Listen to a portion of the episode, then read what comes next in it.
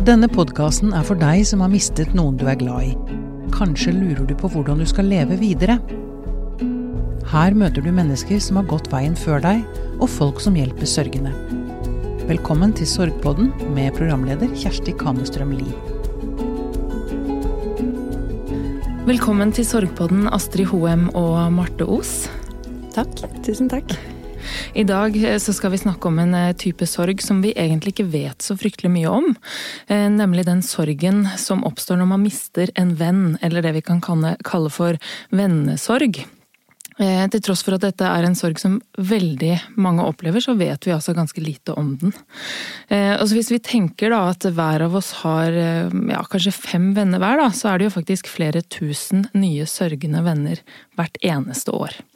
Og begge dere har jo opplevd det å, å miste en venn. Kan jo begynne med deg, Astrid.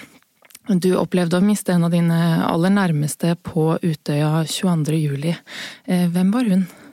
Hun het Guro. Eh, hun fylte 18 år i 2011. Eh, vi hadde akkurat feira bursdagen hennes rett før, eh, før Utøya. Hun var en veldig engasjert jente. Veldig raus og omsorgsfull rundt vennene hennes. Og var, vi hadde daglig kontakt på telefonen. Vi kjente hverandre godt gjennom AIF, så vi jo, delte jo mål og felles drømmer om, om hvilket samfunn vi ønska. Og var ei jente som alltid gikk i blomstrete kjoler. Um, var veldig fan av Jostein Gaarder mm. uh, og Mummitrollet. Mm. Så, så, vi delte liksom litt felles interesser i både, i både, politikk og forfattere og filmer. Og, ja, så hun var ei utrolig fantastisk jente. Hvordan vil du beskrive det vennskapet dere hadde? Det vil jeg beskrive som veldig sterkt. Vi snakka på telefon sammen eh, flere ganger i uka. Eh, snakka om gutter som vi var forelska i, snakka om ting som skjedde i AUF. Eh, og vi var liksom en liten gjeng da, i AUF i Møre og Romsdal, jeg og Guro og Jakob Anna, som hadde delt telt på Utøya. Mm. Så vi hadde veldig tette bånd, og var egentlig en veldig god vennegjeng. Mm.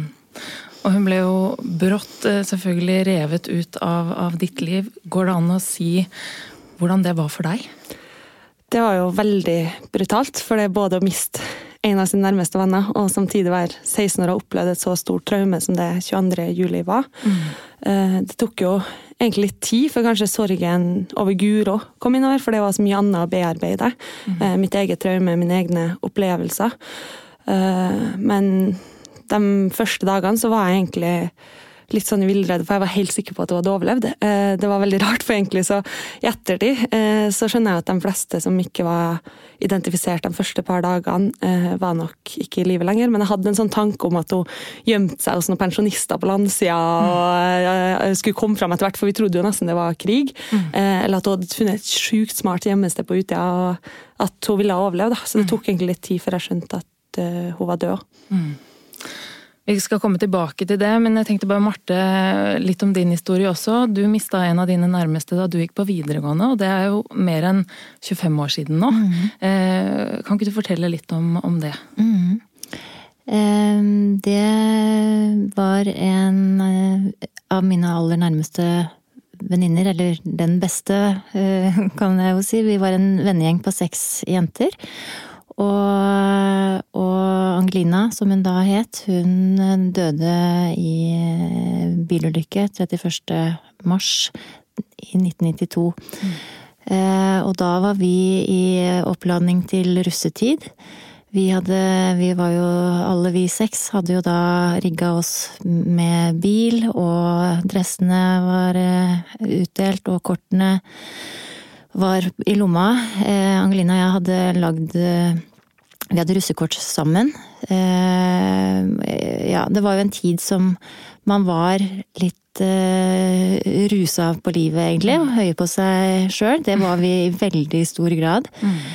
Eh, og så skjer da det helt eh, som man ikke kan romme engang. At fra den ene ja, fra det ene minuttet til det andre, så så uh, inntrer døden. Mm. Og hun uh, Dette var jo da det hadde kommet uh, nysnø, og hun Det var egentlig litt eh, likt som det du beskriver, Astrid, med at eh, hun hadde 18-årsdag eh, første juledag. Mm. Så hun eh, hadde jo da ikke hatt lappen eh, lenge. Eh, Men hun kjørte trygg eh, familiebilen, og, og, men hun møtte da en eh, tømmerbil, og det var veldig, veldig glatt, og ja. Så um, mm, Husker du hva din første reaksjon var da du fant ut av dette? Ja, eh, men det er en egentlig historie i seg selv. Mm. Eh, Du kan fortelle den Ja. nå. Eh, vi ehm, Jeg hadde russebilen den kvelden. Den gikk litt på rundgang. Og så var jeg hos eh, kjæresten min eh, på Gjøvik, og, skulle da mm, eh, Ja, jeg hadde vært hos han, og så skulle jeg hjem. Og så fikk jeg ikke start på russebilen. Sånn at jeg strevde veldig lenge med den, og eh, tiden gikk. Og så fikk jeg en, forbi, en tilfeldig forbipasserende til å hjelpe meg. Og han eh, fikk da start på bilen etter hvert. Men da hadde det gått så lang tid at eh, jeg kjente på at jeg måtte gi beskjed hjem mm. til mamma om hvorfor jeg ikke hadde kommet. Eh, mamma var alene da fordi pappa var på eh, utenlandsreise. Eh, og mobiltelefonen, det var det jo ikke. Det er tross alt 25 år siden. Ja. Så da var det inn igjen i oppgangen til kjæresten og bare eh, ringe hjem for å fortelle. Og når eh, telefonen tas hjemme, så er det nabokona eh, samtalen. Mm. Ja. Det sitter i. Mm. Em, og da skjønner jeg det jo. Mm. At noe har jo øh, skjedd. Og, og det, min første innskytelse er jo selvfølgelig pappa. Er pappa død? Jeg, mm. Så var det ikke pappa. Og så var det ikke pappa. Og det sa Britt, husker jeg. Det, det er ikke det er ikke pappa, Marte. Det er Angelina. Mm. For mamma var helt ute av stand. Uh, ja. Så Og da gikk det jo Da måtte jeg jo løpe opp til kjæresten, og jeg var Man mister det jo helt. Men det, men det husker jeg løp opp, og så etter mye eh, tid så skjønte jeg plutselig at denne stakkaren som holdt liv i eh, russebilen, eh, han var jo der mm. ennå, så jeg måtte jo ut eh, til han igjen og jeg var veldig sånn. Og så, og så kom mamma og Britt sammen, for jeg var jo ikke i stand til å kjøre hjem. Så de kom og pluk- plukka meg opp og tok meg hjem, da. Et sjokk, selvfølgelig. Et sjokk. Mm. Og jeg ser det jo på deg nå, og du har jo også fortalt meg det, at dette sitter i kroppen nå, til tross for at det er såpass lang tid eh, siden det skjedde. Og faktisk så har jo 22. juli gjort eh, en del fagfolk bevisste på at vi har rett og slett visst altfor lite om, om venners sorg, som jeg var inne på helt i starten her. Eh, og det har faktisk blitt gjort litt forskning på nettopp vennesorg etter Utøya. Og en av de tingene man da finner og har blitt overraska over, er nettopp hvor dyp den sorgen er. Mm. Man har på en måte ikke tenkt eh, over hvor, hvor dyp eh, og sterk og langvarige disse reaksjonene er. Er dere overraska over det, Astrid? Nei, eh, og det er jo liksom em, Sorg går jo heller ikke over, for det er alltid den sorgen over at noe i år skulle ha fylt eh, 25 år. Eh, hvem ville hun vært nå? Hva ville hun gjort? Og når man liksom legger planer Jeg var jo 16 og Guro var 18, og vi la jo planer om at vi skulle flytte inn i kollektiv i Oslo sammen så snart jeg flytta fra Møre og Romsdal. Og det er jo ikke sikkert hadde skjedd, men det er liksom den uvissheten om at man aldri vet, da, som man bærer med seg hele tida. Og, og jeg, de vennskapene man har, eh, ofte med de nærmeste, er jo veldig tett. Um, så det rokker jo litt med liksom grunnfundamentet i livet ditt når du mister noen som er så nær deg. da. Mm. Marte? Ja, og så tenker jeg at den alderen som du og jeg Altså jeg var 18 og du var 16, Og, og venners betydning på, på, det stadiet i livet er jo enorm. Mm. Så jeg Den sorgen og den prosessen som oppsto der og da, det, det, det syns jeg ikke er rart. Men jeg er overrasket over hvor eh, hardt det sitter i kroppen mm. eh, så lang tid i etterkant. Mm. Eh, selv om det er absolutt ikke sånn at jeg går rundt og tenker nå lenger på Angelina daglig. Det, det kan gå ganske lang tid nå, faktisk. Men så oppstår det en situasjon eh, jeg fortalte Kjersti for eksempel nå på jobb øh, hos oss, og jeg jobber på en skole. Og, og en Det kom opp nå eh, forrige uke at en tidligere elev på skolen hadde tatt selvmord. Og jeg har aldri truffet den eleven og har ingenting med henne eller eh, hennes pårørende å gjøre. Mm. Men det å kjenne på eh, For det, jo, det, er jo mange elever på vår skole som kjenner henne. Og eh, jeg kjente så igjen den følelsen i meg over den første dagen på skolen etter at Angelina døde. Altså det hvor sorgen, sorgen herja og, og, og, og Samtidig som det var så mange som var helt uanfekta. Mm. Mm. For det var ikke noe som alle altså Da var jo vi tredjeklassingen på videregående, og, og, og den inderlige, bunnløse sorgen hvor du mm. ikke tror Du kan ikke begripe det. Mens, og så ser du andre lever helt Ja. Mm. Og, og jeg kjente bare på igjen, da. Så satt den følelsen i et skolemiljø, eh, selv om det da er for meg som sagt en perifer, så, så sitter det, det sitter så godt. Mm. Og jeg kjenner det også hvis jeg hører musikk, for eksempel, eh, fra, som minner meg om henne. Mm. Så, så, veller det frem. Mm. Og det, det overrasker meg. Mm. Men forstår folk det, hvor viktig venner er eh, i den, eh, den, fasen i livet? Opplever dere at man forstår hvor viktig det båndet er? Ja, etter 22. juli så følte jeg det var stort fokus, og jeg har ofte tenkt på hvordan og følt veldig med dem som kanskje ikke hadde samme eh, nasjonale sorgen rundt det. For det mm. føltes jo virkelig ut som hele Norge var med på sorgen over Guro og de andre vi mista. Mm. Eh, så det har jeg ofte tenkt på når det som du sier, har skjedd ting i nærmiljøet, eller når man hører andre historier, at, eh, at jeg aldri følt på at den sorgen ikke har blitt tatt på alvor. Mm. For den ble jo tatt sammen med det traumet vi hadde samtidig òg. Mm. Eh, så det var vel kanskje verre når det ble stille, eh, og når eh, når det nå er sånn hver gang man skal snakke om 22. juli, så snakker man om de 77. Og så blir jeg litt usikker på om folk husker de enkeltmenneskene. Mm. Eh, og minnes dem. Eh, for det er jo viktig for meg at eh, vi husker Guro, og at vi husker de andre eh, som døde. At det ikke bare er et tall. da. Mm. Så det ble kanskje verre i årene etterpå, når det ble mer stille rundt 22. juli òg. Mm. Hva gjorde det med deg?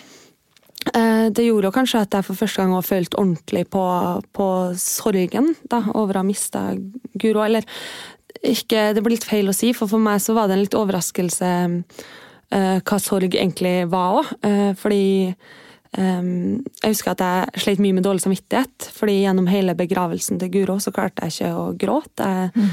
satt holdt tale eh, sammen med Anna. Mm. Og jeg tenkte sånn, nå forventer alle at du av alle Astrid, du mm. skal grine i den begravelsen her. Eh, og at det var mest sånn at jeg følte ingen følelser. Jeg husker liksom jeg skrev i dagboka mi sånn, lurer på om jeg er psykopat, for jeg ja. føler ingenting. Jeg føler mm. absolutt Jeg er helt tom. Mm. Uh, og det er kanskje en av de viktigste tingene jeg har lært meg etterpå, at sorg ikke er som på amerikansk TV, at man sitter i senga og spiser Ben Jerrys og hluker. At sorg er av og til å føle absolutt ingenting. da. Um, men jeg husker godt um, Det var det året jeg var 18, for jeg pleide å dra til hjembygda til Guro på bursdagen hennes. Mm. Så gikk det Da uh, brast det ordentlig i meg. Uh, fordi at det var sånn, nå er jeg 18 år, og, og selv om jeg skjønte også når jeg var 16 hvor ungt 18 var, så var det noe med å sånn, gå opp for meg at For Guro hadde alltid vært litt voksnere, de hadde sett litt opp til å være to år eldre. gikk opp for meg at hun er bare 18 år. Mm. Uh, og da kom jo det litt egentlig etter at, eh, Eller hun var bare 18 år. Det kom jo litt etter at den nasjonale sorgen har lagt seg, at folk ikke snakka om det lenger. Mm. Synes Det er spennende det du sier om, om, at sorg tar så mange former, og det mm. at eh, du følte deg annerledes fordi du, du ikke reagerte, eller det du trodde ikke var en reaksjon. Mm. Eh, det var du kanskje ikke forberedt på?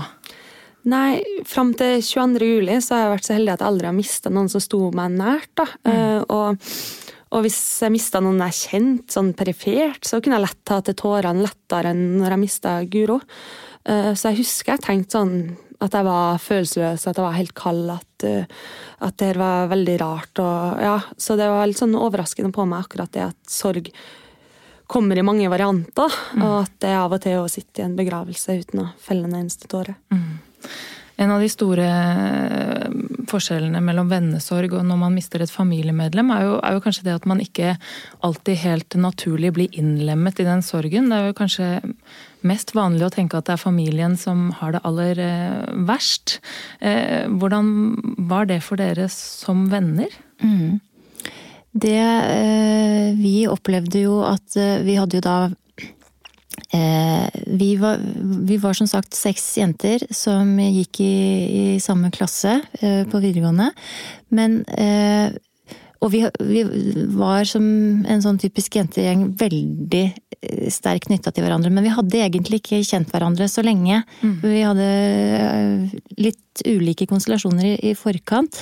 Men når, denne, når dette inntraff, så gjorde jo det noe med båndene våre.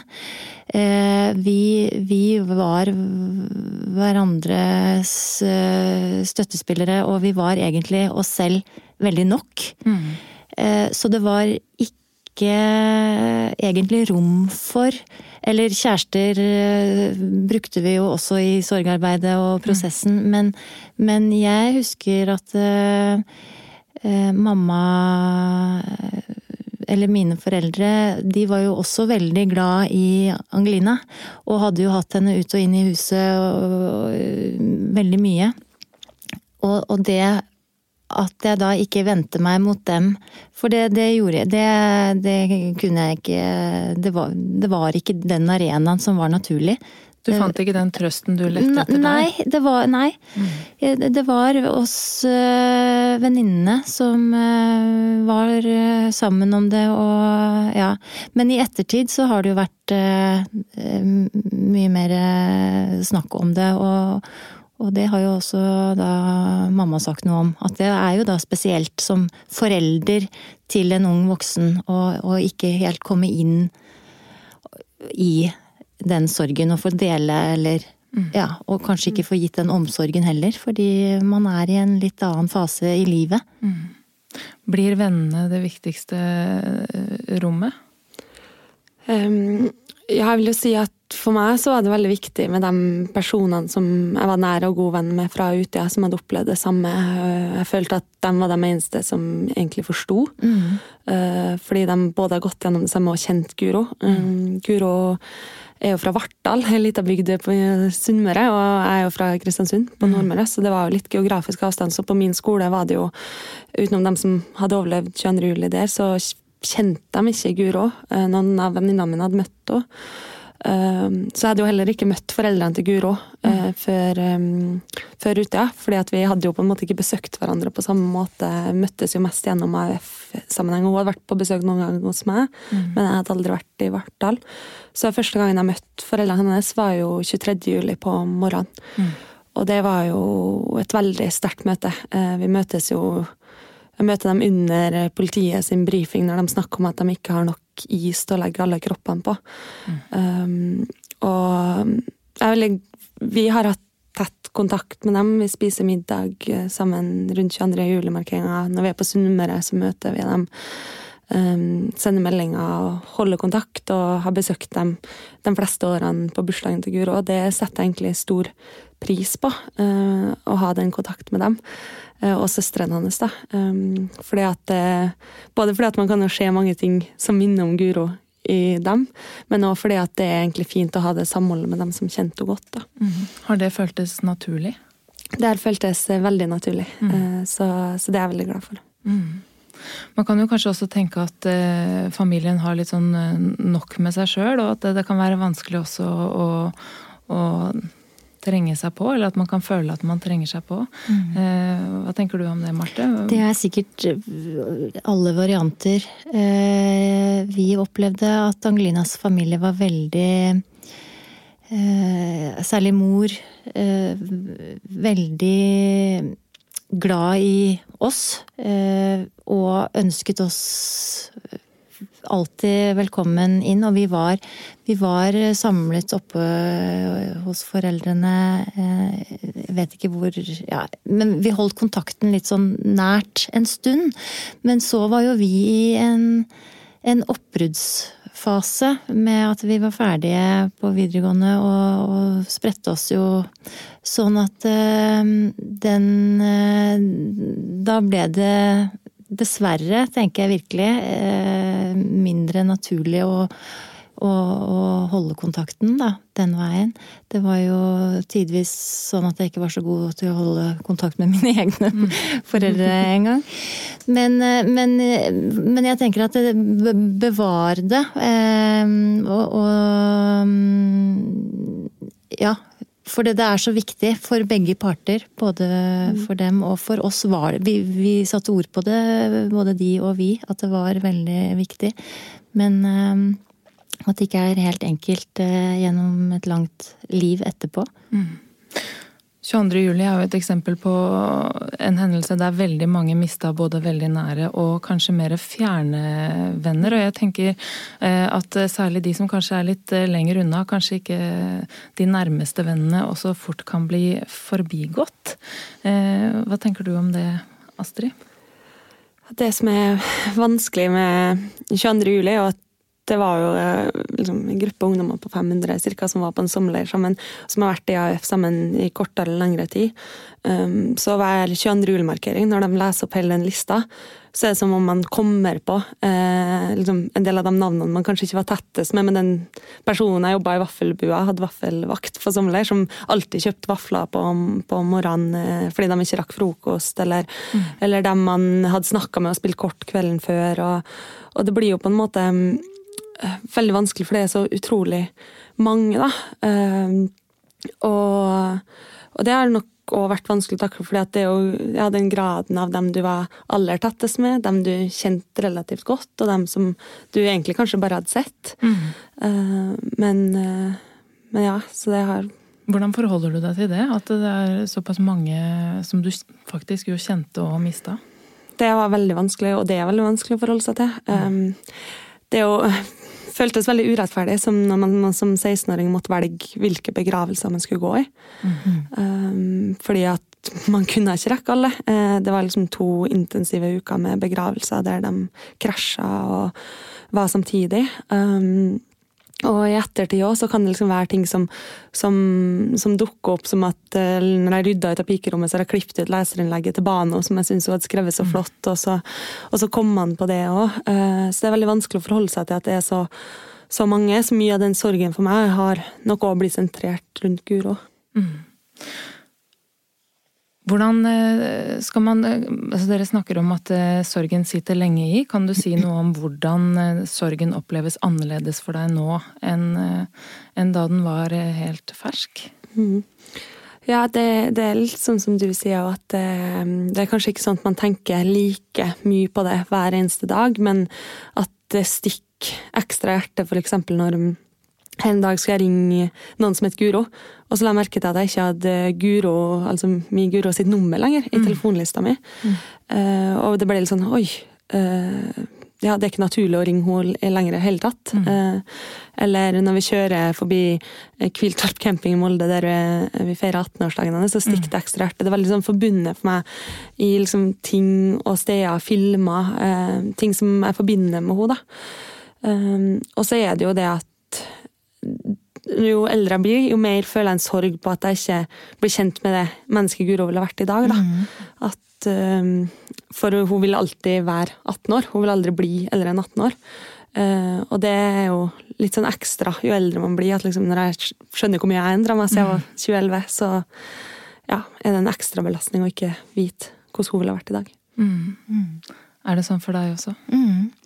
Og, og, det er eh, Når du beskriver den eh, kontakten, eller ja, jeg, jeg, må jo også si litt om Angelina, forresten. Mm. Sånn at vi vet litt om hvordan hun var. For hun var en sånn uh, utrolig levende Uh, det er vel eh, det som uh, Det ordet jeg kjenner at betegner henne aller best. Og sprudlende og engasjert og sprø. Litt smårar. Og ja Levde så intenst, da. Og jeg, og jeg kjenner jeg blir så sår med den telefonkontakten. Mm. Eh, vi også, det var jo flere ganger om dagen eh, ringte vi, og det var sånn i smug. Mm. Vi måtte fiske. Fordi at det, vi betalte jo tellerskritt, og, og, Eller vi gjorde jo definitivt ikke det, men hun eh, Ja. Så, så, så det var den derre det intense vennskapet. Mm. Eh, og, og, alt vi delte av tanker og humor og snakke om lærere mm. og ja.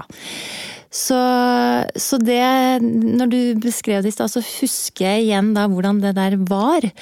Eh, og det, mm, det kjente jeg også på at jeg, jeg savner jo det òg. Eh, men, eh, men, som du også sier, det der med tanken på hvem ville hun vært i dag. Og det begynte vi tidlig, vi venninnene, å, å snakke om. Hvem hvem ville hun ha blitt? Mm. Type valg av eh, studieretning og jobb, altså hva slags type mann. Ja. Mm. Man, og det vet jeg også foreldrene. Det blir jo mm. sånn at man, mm. Eh, man, har bare det bildet der og da, og så undrer man seg hvem ville, hvem ville du vært? Mm. Ja. Hvilke grep eh, tok dere i tiden etter for å, for å bearbeide sorgen etter det tapet? Eh, jeg vet ikke om vi eh, Vi var jo i sjokk eh, den første tiden, og det Jeg husker jo ikke alt som Det kan hende ble gjort ting som jeg ikke husker, men det jeg virkelig husker, er første Om det var første dagen eller en av de første dagene etter at dette skjedde. På skolen, da var vi samla på skolen, satt i gangen, korridoren, vi, vi fem, da. Og så Vi satt bare og surra, lo og var helt ute av, ut av det. Mm. Og så kom um, faren til en av disse andre av oss. Og, og skulle se til oss, tror jeg. Eh, dette, ja. og, og han sa noe, og jeg eh, møtte møtte denne pappaen, som jo kjente meg også godt, eh, med skam å melde. Jeg, altså han sa noe til meg, og jeg rapte. Ja. Eh, det er helt Det er liksom Men det sier noe om hva sjokksituasjonen vi, Ja, vi var virkelig helt ute av det. Mm. Og han gikk jo da sporenstreks inn til skolens ledelse og sa at disse jentene skal ha hjelp. De trenger det definitivt. For det skjønte han? Det skjønte han, for mm. han så jo at vi var jo no, vi var jo tross alt ganske skikkelige mm. som regel, og det, det vil jo aldri ramle meg inn. Eh, så, så, det husker jeg at eh, han gjorde, men eh, ellers så, så er egentlig det sorgarbeidet, sånn jeg husker det, var at vi møttes hele tiden og var sammen og prata og prata og mintes det som hadde vært, og eh, lo og gråt eh, og var sinte og hadde hele Hele følelsesregisteret var eh, i bruk, og alt var lov. Mm. Eh, og vi, vi Fordi hun var, hun var jo så sånn selv, og vi var veldig opptatt av å at dette hadde hun tenkt at det, dette må dere. Mm. Eh, og, og, og, at ikke det ikke var en riktig måte å sørge på. For det opplevde vi jo mm. i en gruppe på fem jenter, da. Så var det klart at vi hadde ulike sorgprosesser. Mm. Eh, og ulike Det ga seg utslag på, på forskjellige måter. Men det, men det skjønte jo vi også etter hvert, at dette er en del av sorg den, den, utarter seg ikke likt. Det er Og, Og det lærer man mye av. Mm. eh, Med tanke på da senere møter med sorg, som du sier. At det er ingenting som er eh, riktig eller feil. Man må bare Man må bare ta det som det er. Astrid, du, du var jo del av en, eh, det mange kaller en offentlig sorg, da hvor det jo var et hjelpeapparat og mer systematisert eh, hjelp rundt. Men hva slags eh, hva, hva gjorde dere som venner, da, eh, sjøl? Jeg husker at jeg hadde et eh, ekstremt behov for å være i Oslo. Hele liksom, ukene etter 22. juli går litt sånn i surr, så jeg husker ikke når det var. Eller, eh, men, men for at det å være i Kristiansund, der var vi vel totalt seks stykker som overlevende. Eh, det føltes litt for lite og litt for mye sånn å gå på kjøpesenteret, og alle visste. Og jeg husker jeg skulle stå og kjøpe klær, da, for jeg hadde jo ingen klær, for alt lå på Utøya. Og så sier hun på Bik Bok at jeg skulle få klærne gratis, og det ble litt for mye for meg, liksom. Fordi at det var sånn alle visste og skulle forholde seg til å spørre meg. Så jeg var en del i Oslo, um, og da var vi ei gruppe venner, der en av dem um, sa sånn, de skulle lese opp navnene, for det var jo navneopplesning flere dager på rad, at uh, nå kan vi ikke være et sted vi pleier å være. Vi kan ikke være rundt Youngstorget eller noen av de stedene vi pleier å henge, for vi kommer til å liksom, alltid forbinde det her med at det var det stedet vi visste at vi fikk, endelig fikk bekreftelse på at vennene våre var drept. Så vi dro til um, Aker Brygge, for der pleier, pleier vi ikke å være så ofte, og satt ned ved vannet der på de trebryggene, og det var sol, og det var egentlig liksom første gang jeg tenkte sånn Ok, det her går kanskje bra, nå har jeg det litt fint. Og så starta navneopplesningene. Um, og, men det er fortsatt et litt veldig trist, men også litt sånn fint minne at, uh, at vi gjorde det sammen. Og så har det jo vært veldig viktig for meg med både Jakob og Anna og alle andre som kjente Guro godt, og snakke om henne og eh, minnes henne og ha den kontakten med foreldrene. For det er jo som du sier, at det i hermetegn heldig med å ha vært gjennom en eh, så liksom 22. juli var at i hvert fall min kommune, og det er jo litt ulikt, var veldig god på oppfølging, så vi fikk eh, utdelt psykolog, eh, hadde møte med skolen der eh, jeg fikk eh, liksom, bytta klasse til den læreren som var flinkest på oppfølging av ulike ting. Eh, så jeg, var veldig heldig på den oppfølginga, og det har vært ulikt i ulike kommuner, men, så det har òg betydd mye, da. For det som man sliter med i tillegg, og det Eller ikke i tillegg, det vet jeg jo ikke helt hvordan det er for andre, men det jeg hvert fall med i tillegg, var jo veldig dårlig samvittighet. Eh, både overfor at rett etter bomba hadde gått i regjeringskvartalet, så var det et stort allmøte. Og Guro var delegasjonsleder og hadde ansvar for alle fra Møre og Romsdal som dro på sommerleir sammen. Og hun sa nå vil jeg gjerne at, um, at AF Møre og Romsdal skal sitte samla. Men jeg ville ikke sitte der, fordi broren min hadde sommerjobb i nærheten av regjeringskvartalet, så jeg var så redd for han. Fikk ikke tak i han, så jeg gikk rundt og snakka i telefonen med mamma og pappa og uh, avklarte. Um, og Guro satt jo fortsatt der. AF Møre og Romsdal hadde satt da og ble skutt, mens jeg var et helt annet sted på øya. Um, så det har jeg slitt mye med. Kunne jeg endra noe hvis jeg hadde endra mitt eget hendelsesforløp? Og det er jo en sånn dårlig samvittighet som man må leve med, og som er vanskelig å, å komme seg unna, uansett om hvor mange psykologer man går til, hvor mange venner man snakker med, at man føler at man burde gjort noe annerledes. Er det noe man kan gjøre for å minimere den eh, følelsen? Jeg tror det hjelper å snakke om det, og det er jo litt eh, å mm, Kanskje oppleves at det er litt sånn tabu å snakke om det med dårlig samvittighet. eh, Men, men det er litt kjent ting som heter liksom overlevende samvittighet. At man sliter med hvorfor det er jeg som lever, hvorfor var ikke jeg der, hvorfor gjorde jeg ikke mer? Og veldig mange på Utøya gjorde jo en veldig eh, liksom heltemodig innsats eh, for å hjelpe folk, men vi var òg en eh, gjeng, mange som ikke var i stand til det. Eh, og når de heltehistoriene blir så sterke, også, så opplever man kanskje enda mer på den dårlige samvittigheten over at jeg ikke var noe helt. da. Um, så det som kanskje har hjulpet mest, er å tenke sånn at det er mye tid og stedavhengig hvor man gjemte seg, hva som skjedde, uh, og hvilke muligheter man egentlig hadde til å bidra.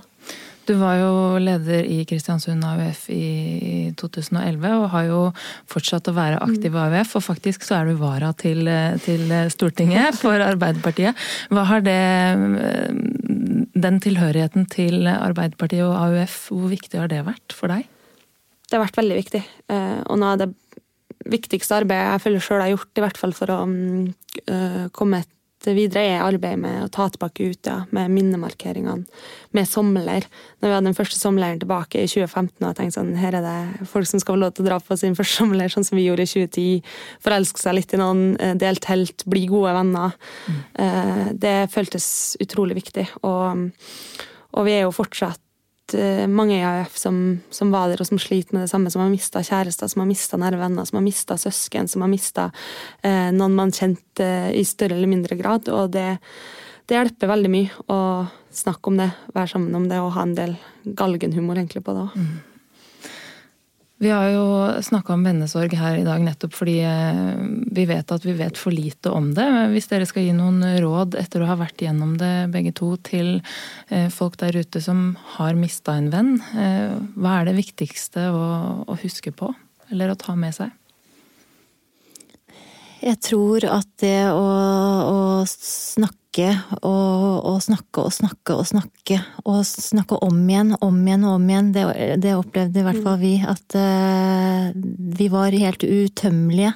Mm. Uh, det er Jeg tror det er uh, helt avgjørende for å ikke bli sittende fast i, i det. Så det er det beste rådet jeg kan gi. Mm. Hva tenker du? Helt enig. Jeg mm. tror det er å snakke med, med andre som kjente en person. Snakke mm. med ja, egentlig alle som vil høre. Og, og så tror jeg òg at hvis man sliter veldig, at det kan være lurt, i hvert fall hjalp det for meg, med profesjonell hjelp. Og det hjelper veldig for meg å skrive egentlig dagbok, skrive om Guro. Og det er jeg veldig glad for at jeg har gjort i ettertid, for det er mye jeg merker at jeg glemmer og mm. um, gjerne skulle huska og ja, som jeg tenker sånn skulle skrevet dagboken tidligere, egentlig. Mm. Ja, det kjenner jeg at jeg ble litt misunnelig på. ja. Jeg har noen brev liggende som jeg leser uh, innimellom fra Angelina, så det er uh, ja. Mm. Ta vare Ta på minnene. Vare på minnene. Um, absolutt. Tusen takk for at dere kom hit og delte deres historier, Marte Os og Astrid Hoem. Sorgpodden er produsert av Tid og Lyst for Landsforeningen uventet barnedød, med støtte fra stiftelsen DAM.